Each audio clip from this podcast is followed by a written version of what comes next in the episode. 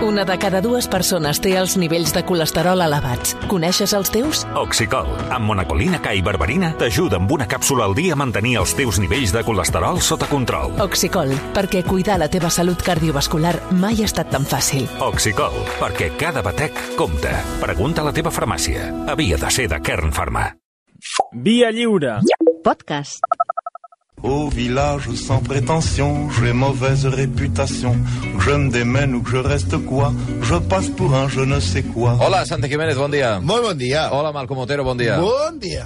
Carai, quina alegria que porteu. Home, Què passa, que heu descansat bé o no? Està a punt Sí, de no sortit, ai, no hem sortit. Ai, no vau fer res, no? No, ahir no vam fer. Penitència.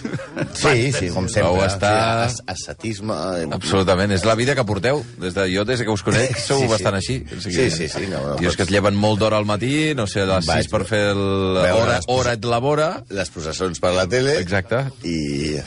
No sigui que s'acabin tard I al carrer i no sàpigues com tornar a casa. Exacte. És així. Sí, sí, sí. Bé, avui qui és l'execrable? Mira, com ve Sant Jordi, perquè això està aquí a, al, aquí a la cantonada, serem originals i parlarem d'un escriptor. Però un escriptor que, com, saps que a Sant Jordi hi ha la, la diferenciació, no? Aquests són els literats, aquests són els mediàtics... Sí, i, sí.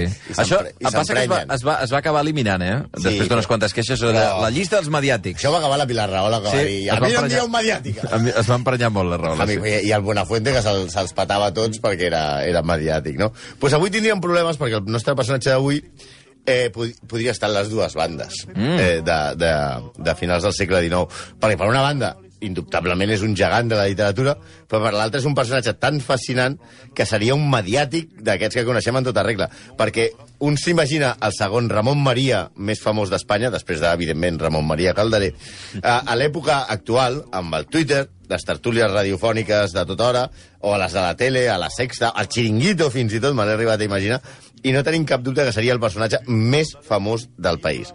Un tipus que igual et podia guanyar el Cervantes com participar a la Isla de los Famosos i guanyar-la carregant-se eh, tota la fauna i els concursants que tenien al costat. Un home otoe brillant, mentider també, fantasiós, provocador, violent, contradictori, arribista, narcisista, polèmic i un bon vivant, que sempre va ser el rei de la disfressa molt per sobre de Mortadelo, sempre amb l'objectiu de que un altre li pagués les factures. Un gallec que era tan gallec que fa que Rajoy sembli d'Ècija. Sí, un home que aparentava, per exemple, ser un bohemi sacrificat a la literatura i molt pobre, que vivia austerament només per poder escriure, però que rapinyava qualsevol càrrec. Ell en deia momio, que després ha quedat... M'ha de tocar un momio, que és una feina en la que fas molt poc i guanyes molt. Un momio que li oferís l'Estat Exactament. que ell, ell un dia era carlista, després era anarquista, de la mateixa manera era ultrareligiós, o també era anticlerical. És un home que és un misteri, perquè, a més a més, per, per, per, per endinsar-se la seva vida, ell és difícil, perquè no va escriure memòries, la seva correspondència és escassa, mentia compulsivament sobre la seva infantesa i la seva joventut, els testimonis de la gent que el va tractar són molt contradictoris, i potser només el seu amic Manuel Azaña el va definir encertadament, que va dir ¿Quién sabe lo que piensa Valle? Valle és el nostre home, no Eva Santolària a, a, al salir de classe, eh? Al salir de classe. Que bona està l'Eva Santolària. Noi! No, home, estic molt enamorat d'ella des de fa 25.000 anys. Eh, ¿Quién sabe lo que piensa Valle de nada ni de nadie? Le he oído defender siempre con muchísima gracia y desenvoltura posturas completamente opuestas. Avui, un tipus que, per mentir, mentia fins i tot en el seu nom. Perquè parlarem de... Escolta, per cert, m'estan recordant que, Digue'm. que la Valle no era No? a salir de classe, era compañeros. Compañeros, bueno, és igual, que tot és un mateix, això. vull dir. Sí, és la mateixa sèrie, però... I física o química, no sé. és igual. Però en tot cas, eh, Eva Santolària sí que era Valle, no? Sí, Meravellosa. Avui, un home que mentia fins i tot en el nom. Ramon José Simón Valle Peña, conegut com Ramon del Valle Inclán o Ramon María del Valle Inclán. Me llaman el desaparecido cuando llega ya se ha ido. És que en aquest home tot és confús. ja us estan demanant que no destrosseu Valle Inclán, si us plau. Qui va demanar això? ho farem. Bueno, algun oient. L'únic que deu saber qui és. No, oh. De, de fet, comencem pel seu nom. No es deia Ramon Maria, es deia Ramon José. Potser li ja agradava comencem. més l'altra figureta del pessebre, no ho sabem. Ramon José Simón Valle Peña. Es el dir nom- Ramon Pastor, Ramon Bugadera... Aquest és el nom que apareix només a la partida de baptisme i a l'acte matrimonial. Les primeres col·laboracions en premsa les signa com a Ramon del Valle de la Peña. Però aquí no acaba el misteri. O sigui, cada vegada... Sí, diferent. Sí, diferent. Però què li Aquí- passava? Aquí no acaba, no, no acaba el misteri. Tampoc va, és- està clar on va néixer. Dos Ah, pobles. per què? Villanueva d'Arousa, Sí. ara més conegut pel clan de Charlines i Farinya, Sí. i Puebla del Caraminyal. Es disputen els dos pobles ser el seu lloc de naixement. Ell, per aclarir les coses a la seva manera eh, gallega, va dir que havia nascut en un vaixell a la ria, entre el mig de tots dos. Ah, carai. Així serà tota la seva vida. Un exercici de galleguisme al més alt Mai, nivell. mai, acabava de, mai acabes de saber No, no, no, que... ja veureu, perquè aquest tio és, és, és, és un embolic en ell mateix. Era un liante molt perillós. No hi havia res que li agradés més que una bona batussa, una bona discussió, on no deixava parlar a ningú. Al seu costat, Pilar Rahola és un xaiet. O sigui, no, imagineu-vos-ho. La seva família, no la Rahola, la de la, la Valle Valle Inclán. era d'una aristocràcia menor gallega molt vinculada a, a la ideologia carlista. Eren uns, uns nobles molt vinguts rurals, molt vinguts a menys, en la que el pare es fonia l'herència sense fotre brot, sense fotre brot, que és el que feien normalment, i ell va ser criat com el que es diria senyorito de pueblo, no? Aleshores, el pare l'obliga a estudiar dret a Santiago de Compostela, on el tio va i es pega la vida padre. Es converteix en un dels estudiants més populars de la universitat per la seva facilitat per posar tothom de la olla. O sigui, era insuportable. I per no aprovar ni un curs. Bàsicament, li interessa, l'únic que feia era prendre classes d'esgrima per poder desafiar a qualsevol que li portés la contrària a un duel, que era com es resolien abans les discussions, que és el que deia ara el Delgado, que és el que hauria de passar ara mateix. Tu t'imagines que el Toni Garcia, a l'època del Toni Garcia, amb esgrima, estaria amb mort. duels... Estaria mort. Qui? El Toni Garcia. Ell. O és escaramuix o estaria mort. Sí, no. Quan mor, quan mor el pare, quan mor el pare de Valle Inclán, ell té 24 anys i està a tercer de carrera. Tots hem conegut un tio de, a, a, a la universitat amb 28 anys que està fent segon i que només fa assemblees, no? I van polar. Bueno, no sé, això era abans, com a mínim, no? I aleshores ell, quan mor el seu pare, se sent lliberat del mandat de ser advocat i comença a fer més el que li rota. Sí, la, així que agafa la pasta de l'herència, Sí. que s'ha de dir que no era massa, bueno, no era massa, per, per, no, no era una fortuna, Mhm. i marxa a Madrid marxa a Madrid a fer el que més li agrada. Que era? Anar de bars Ah. i fer tertúlies on no deixa parlar ningú, crida i no deixa marxar a la gent fins que li donen, fins que li donen la raó. El Delgado. Imposa el seu criteri sobre qualsevol. El seu accent gallec i que era papis, papizot i ceceava, era una mica zopaz, eh, el fan encara més popular. El mèrit està en que les tertúlies de cafè d'abans eren de molt nivell, no com les d'ara, exceptuant la tertúlia de patates i els pantalleros. Ell discutia amb gent com Pío Baroja, Azorín, Jacinto Benavente, Marino Miguel del Val o Alejandro Sagua. Alejandro Sagua és el personatge que inspira Max Estrella de, de Luces de Bohemia. Els de l'ESO, aquests noms no els sonaran, de res, però eren els intel·lectuals més potents de l'època. Eren com el Rubius o Fernando Sabater, però en sèrio. Ja. Déu meu. Fins i tot, aquestes ments privilegiades, tots aquests Azorín, Pío Baroja, Alessandro Saua, Valle els treia de polleguera. Era com Bernat de Déu, però amb mala llet, vale? Aleshores, com a prova, un dia es va trobar, mireu l'anècdota, es va trobar caminant per la carrera de San Jerónimo de Madrid Sí. a Pío Baroja i Jacinto Benavente, que anaven passejant, que vindria a ser com una cosa així com si et trobes al Passeig de Gràcia a Messi i a Cristiano Ronaldo. Valle Inclán s'uneix a la parella i comencen a parlar, s'uneix a la conversa.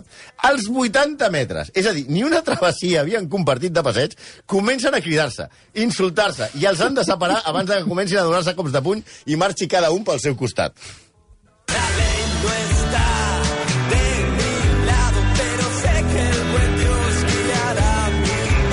Tenim una mica d'opinions per tot, eh? Perquè eh, la Mònica deia no em destrosseu el Valle Inclán, la Maria diu manda carallo, si és un mite, no me'l toqueu. Però, per exemple, hi ha un altre oient que es fa dir el Pigmeu català, diu el Cuello con él em va marcar el bub. Per mi el podeu fer xixines.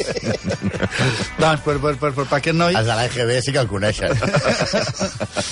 Eh, eh, aquesta història amb, amb Baroja i Benavente, per Sí. bèstia que us sembli, va acabar bé. Què, què vol dir que va acabar bé? que Bueno, va ningú acabar hòsties morir, només. Ningú va morir. Ah, que no va morir ningú. Ningú, clar, home, bueno, però per això... És que aquí hem de fer un parèntesi, Xavi, que serviria per entendre millor el nostre heroi. Abans, les tertúlies, per molt literaris que fossin i per molt distinguits que fossin els seus membres, normalment acabaven a hòsties. Bé, gairebé tot acabava a hòsties. En En, el general, millor dels sí. casos. Perquè el més habitual era acabar a espasa o a tiros. I el Basté, que és, que és el del Tallat Party, o del Gonzalo Bernardo, això no és res. Mireu, el duel era la millor manera d'acabar una discussió. I en això Valle Inclán tenia la mà trencada. Ah, això és un spoiler. Un spoiler, una collita després. Sí, mireu com estava d'extès el duel, que en els diaris de l'època hi havia un especialista en duels a la plantilla. Ah, sí? Sí, hi havia... Si ve la crònica de duels. No, ara Ah. t'ho explico. Hi havia el tio de política, el tio de tribunals, el tio d'esports i el dels duels. Però no escrivia sobre duels, sinó que el tenien en, en nòmina per batir-se en duel en representació del diari. Oh, És a dir, brutal. quan el diari volia posar a parir algú, es feia una notícia absolutament difamatòria Sí. i no es signava. Mhm. Aleshores, l'ofès protestava i deia «Habéis mancillado mi honor! Eh, un Nos duelo!» en I duelo. aleshores agafaven i deien «El de los duelos! que salga!» Clar, clar. O sigui, diguem-ne, El tenien- perdona, eh, amb, amb, amb, amb diferències, però era la- l'advocat d'empresa. Era l'advocat de... Era la muntanya. Era, diguem-ne, si a Joc de tenien la muntanya i deien, com a Joc de Tronos diuen, no, es que a mí me están juzgando, pero yo llamo a la montaña que se... Ah, que- que lo haga él. Que lo arregle. Pues tenien un tio que era un... Un monstre. Un assassino i, i, i el treien. Imagina, no sé, o qué diario necesitaría a D'Artagnan. Sí, sí, no, no, necessitarien, vamos, a, a, a, a, a Lee Harvey Oswald. Va, però també hi havia altres periodistes que, per contra, preferien batir-se ells mateixos. Per Ahà. exemple, Blasco Ibáñez deien que era gairebé un duelista professional amb pistola. Ah. Ell mateix defensava els seus articles i quan insultava algú, anaven, quedaven i li fotia dos tiros. I Valle Inclán també era un gran duelista, però Valle Inclán era amb espasa, perquè havia pres les lliçons d'esgrima quan estava a Santiago de Compostela. De fet, en el seu primer viatge a Mèxic, on ell, ell diu que va, va dirigir un diari, però, com tantes altres coses, la seva vida és mentida, i va com a traductor d'un diari i ha de deixar el país abans de temps perquè va deixar malferit un redactor del diari El Tiempo en un duel i va participar en una baralla tumultuària a Veracruz. Aviam, perquè a Mèxic considera una baralla escandalosa ha de ser molt sonada. Sí, Eh? sí. És, eh, pensem que és Mèxic. Mèxic, eh, per què es caracteritza, entre, a part del mezcal i el tequila? Es caracteritza per la lluita lliure amb disfresses. Sí. Sí. Els lluitadors aquests que van amb màscares i tot això. Sí. I ahir Valle Inclán veu que el seu aspecte físic també és molt important i torna a Espanya amb un aspecte que no deixa indiferent ningú ni passa de saber-sabut, però que l'ajuda a intimidar en les lluites de cafè. Una melena no sé si teniu clara la imatge de Valle Inclán a les fotografies, una melena en plan Víctor Amela, allò una mica així com llarga. Aquesta mitja melena. Sí. No, però més de mitja, sí, Ah. ah. dos Víctors Amela. Ah, d'acord. Sí, vale. Eh, una barba llarguíssima, Inclán, eh? com la del personatge aquest de Érase una vez el hombre, tal, Mhm. saps? Eh, ulleres de hipster, ponxo mexicà, barret, polaines i un bastó amb un estoque dintre. L'estoque era com un ferro, que era com una espasa que anava ficat dintre del bastó. Només estaria... O sigui, era una mena de Lu Martín, però el Lu Martín és en punky i eh, el Valle Inclán era un friqui. També torna de Mèxic dient que la seva estada havia, havia descobert el cànyamo índico, és a dir, que a més a més fumava porros, el que li faltava per ser el precursor dels hipsters. Ell va escriure, lo he tomado en abundancia, pero por prescripción médica. Això és molt important. Sí. Sí, sí. Va escriure moltes carles par parlant de les meravelles de les drogues i va escriure el poemari La pipa de Kif, pels de l'ESO, el polen. Però només, no només porros, li va donar a molts derivats de l'opi amb l'excusa de que tenia mal de Que bufeta. és el que se'l va carregar al final. I perquè la farinya Cansa, no no? arribava encara, no, no estava de moda encara a la Ria d'Arousa, que si no... Home, aquest, aquest la lia parda. Hi ha una altra característica que és comuna als trats i als execrables, que alguns atribuïen a les drogues i que era la seva passió per l'ocultisme. Ell també la tenia. I la seva creença que amb la comunicació dels esperits, que ell també deia que es comunicava amb els esperits.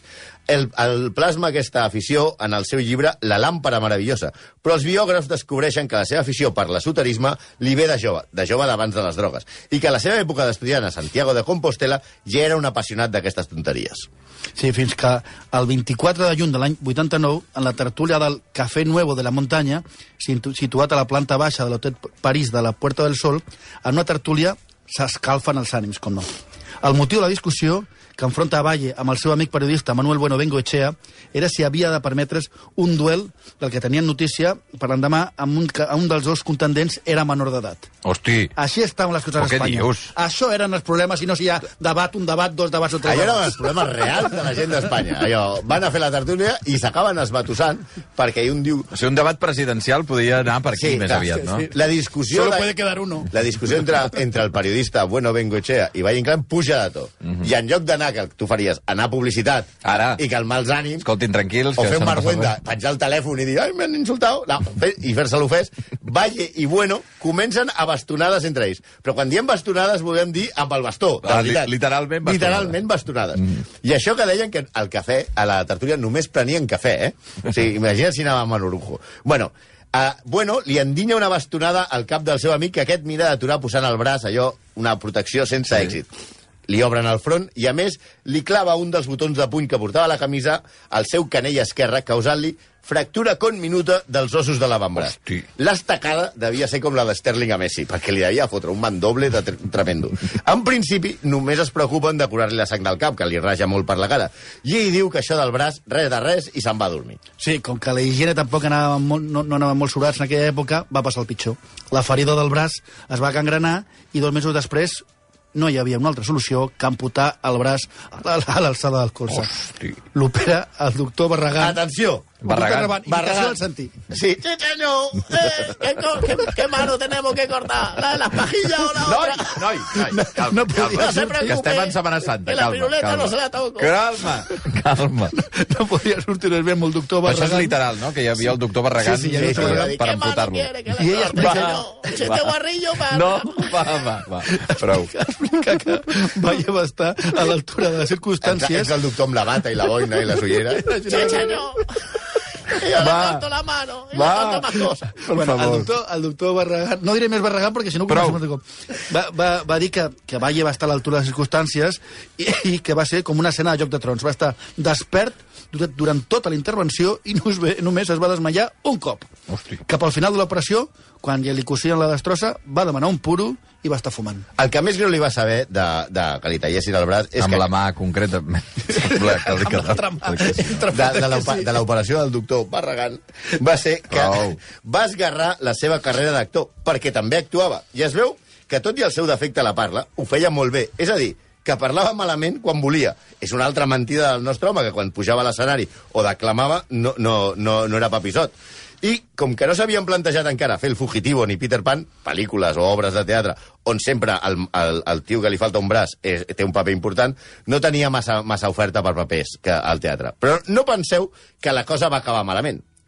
Després de que li tallessin el braç, va tornar a la tertúlia del Cafè Nuevo de la Muntanya i només veure Bueno Bengochea es van donar la mà. Evidentment, la mà. No es podien donar les mans perquè ell ja només tenia una. I els contertulis, els que estaven a la baralla, van promocionar una col·lecta per comprar-li un, bar, un braç ortopèdic. Hosti, no fotis. Si és que els tertulians, ara i abans, en el fons s'estimen. I el que passa a l'estudi, es queda a l'estudi.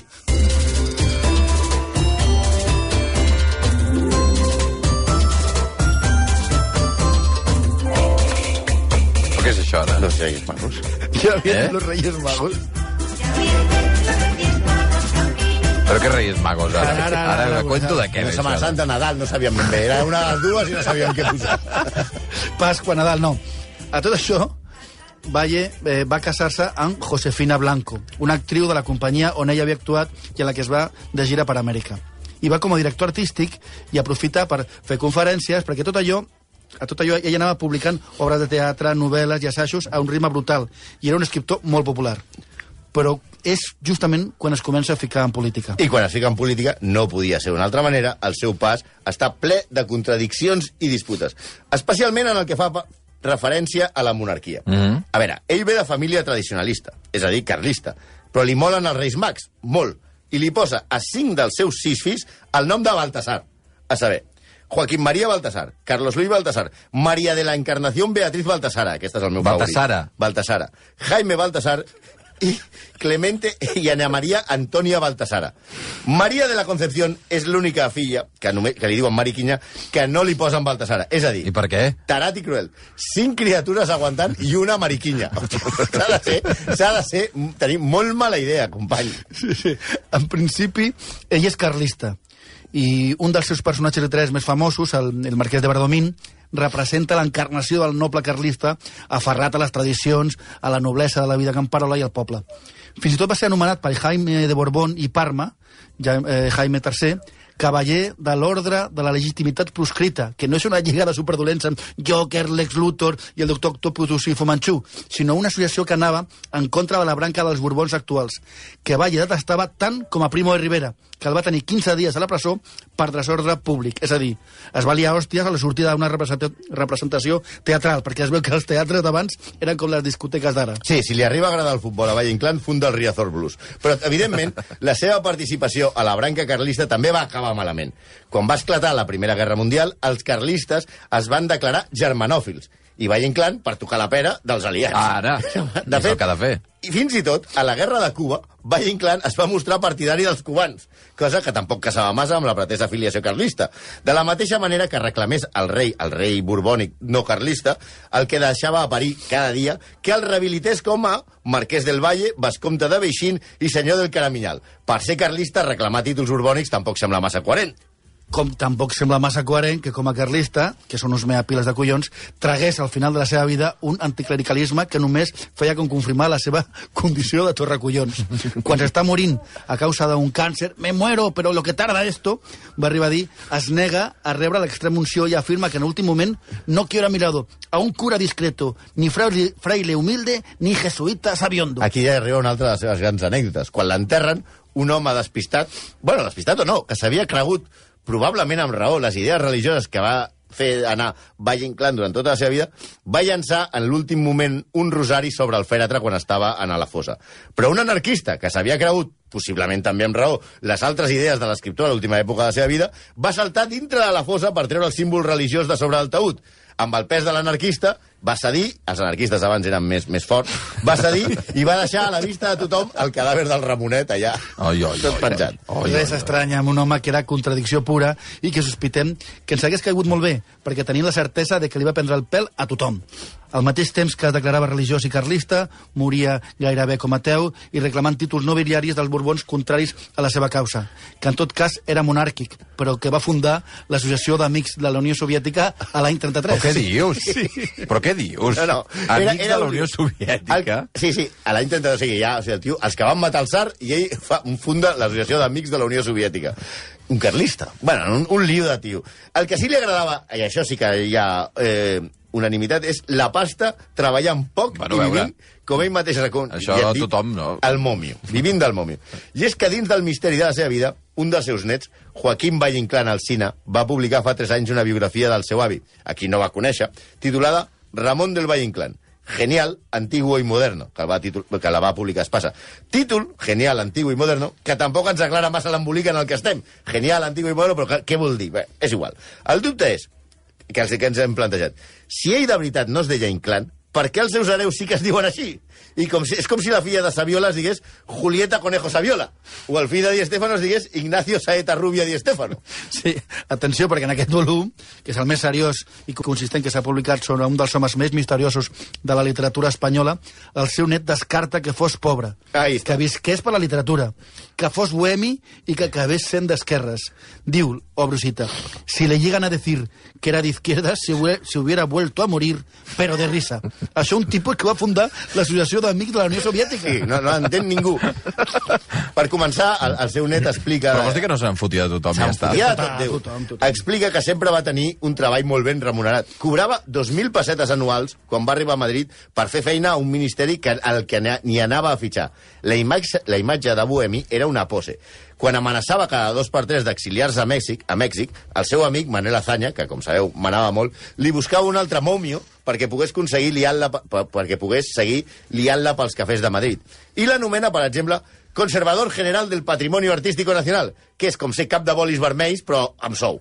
També l'anomena com el seu successor a la presidència de l'Ateneu Científic, Literari i Artístic de Madrid. O sigui, Azanya era el president de l'Ateneu de Madrid i quan ell passa a ser president del govern, li passa el càrrec a, a Valle Inclán.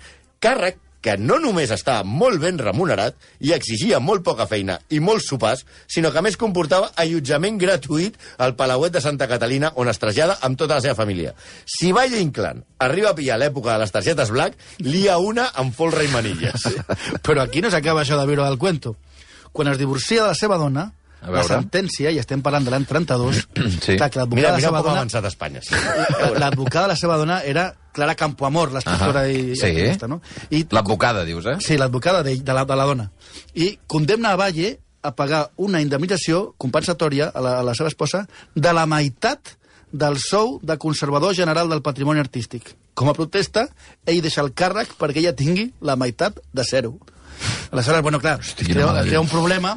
Al final el tribunal decideix que els fills petits vagin amb, amb la mare i els grans amb el seu càrrec i, i sí que arriba a un acord econòmic, però clar, ell diu que no té diners per mantenir els nens i el govern torna al seu rescat i l'anomenen director de l'Acadèmia Espanyola de Belles Artes de Roma on va viure a pensió completa i despeses pagades amb els tres eh, fills mitjans, i això, bueno, ja que era un tio que aquí- sempre vivia de- del càrrec. Ah, Sí, Ferran Mascarell és un aprenent al seu costat. Sí, aquest tio sempre acaba tenint un càrrec de collons. Però mai, però a més, era, eh, Valle Inclán va ser mal amic, perquè Valle Inclán, que com ha quedat clar, era íntim amic de Zanya, eh, l'acaba traint. Segons la, una biografia del 2015 de Manuel Alberca, don Ramon no va dubtar a acostar-se a Lerroux cometas, por si había algún escaño que no estuviera comprometido o por si los radicales llegan al poder. Sí, a sobre se'n va amb, amb el rival de Zanya. De fet, Azanya, molest per aquest gest, va escriure en els seus diaris, això sí que és eh, don- puño i letra de don, don Ramon, diu, de, de Azanya, diu, de Valle Inclán, como no lo fundan de nuevo, no podrà hacerse un hombre respetable. Ja, Però per si us sembla poc encara, el virtuosisme en l'alt del sablazo i que aconseguir que els altres et paguin els capricis, arriba el cum laude quan Victoriano García Martí obre a Galícia una subscripció popular per tal que Valle Inclán torni a Galícia i la gent li regali un pazo on pugui morir tranquil·lament. Brutal. Sí, per, prescripció, per, per subscripció popular. I la gent posava Un diners... Verkami. Sí, sí, un És Verkami. un Verkami perquè per tingui una- un- un palau. Un, palau, clar. No el va arribar a disfrutar, però estaven recollint la pasta perquè mor, mor abans. És a dir, acaba morint el jeta més gran de la seva època. Un tipus genial que va tenir a tothom enganyat des del primer dia. I des d'aquí, el nostre més execrable dels respectes. S'ha de, de dir que ell s'autoeditava Sí. i sempre posava com a excusa perquè no estava traduït a l'estranger i si Blasco Ibáñez Sí. era perquè no tenia editor, que ell mateix pagava les seves, les seves edicions. Ramon Maria del Valle Inclán. O no. No, O no. tampoc. Don Ramon. De la Penya del Valle. El que, el que sigui, de la Penya, del Valle, del lo Simón, del que sigui. Uh, L'escriptor que avui ha passat per el filtre dels uh, il·lustres execrables. Gràcies, Malcolm, gràcies, Santi, fins ara. Ah, ah, per cert, per cert, per Eh, cert, què Malcolm. passa, què passa? No, home, que avui tenim uh, cap i pota uh, a casa Leopoldo. Com viviu? Eh, sí, home, i tant. I hem anat aquesta setmana amb Enrique Vilamates i jo, de debò, no em perdria la conversa amb ell. Per exemple, una cosa, Xavi, jo no sé com estàs dinant tant, tan prim, t'estàs quedant cada dia més Què prim. dius ara? Les 11 i 4. Són vinga. les, I esmorzant amb la Cayetana. Sauf les aveugles, bien entendu.